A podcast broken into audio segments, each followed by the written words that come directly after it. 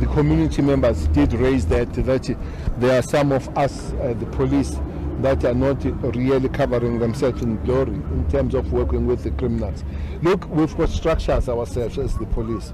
Uh, we've got uh, the secretariat that will be also sent here to work on those things. We've got the IPIT, and when those cases are open, will be taken up by the IPIT, and we'll have to put those uh, members of the South African police who opt to convert and change their blue to, to orange. We have no problem of doing that.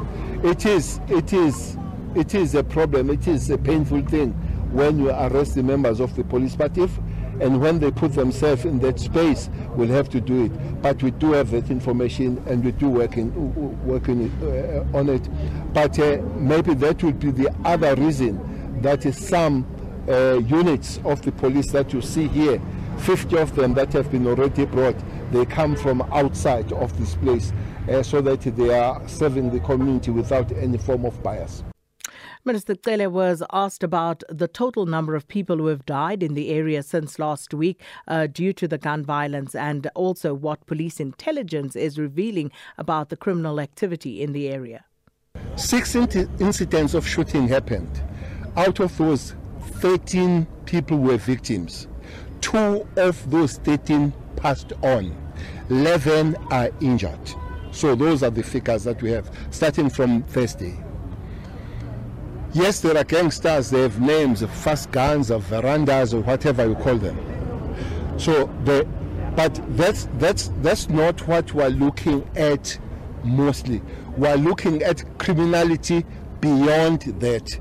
Because there will be those that they came to be in the middle, the drug lords and the runners there is something very bad here. I'm told that even the young girls are forming their own gangsters, uh, even at the school level.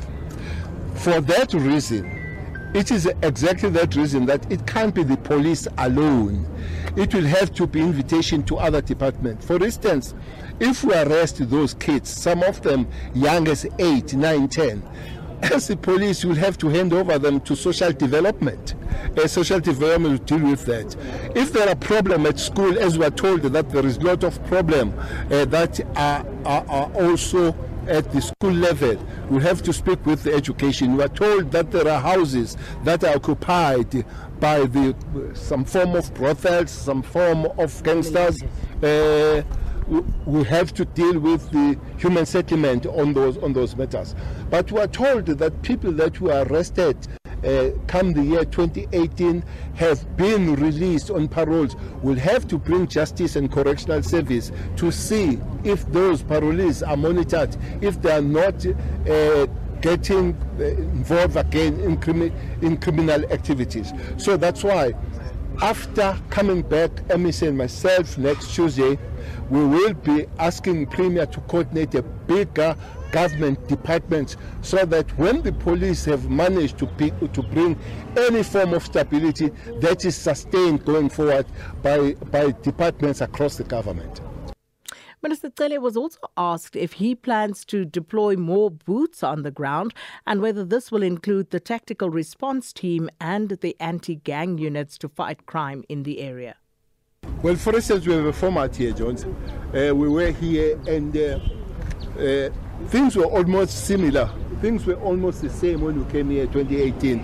And uh, we, in, a few weeks' time, uh, we managed to create a situation where the community could work and all that. We want to go back to. We want to go back. We did that without.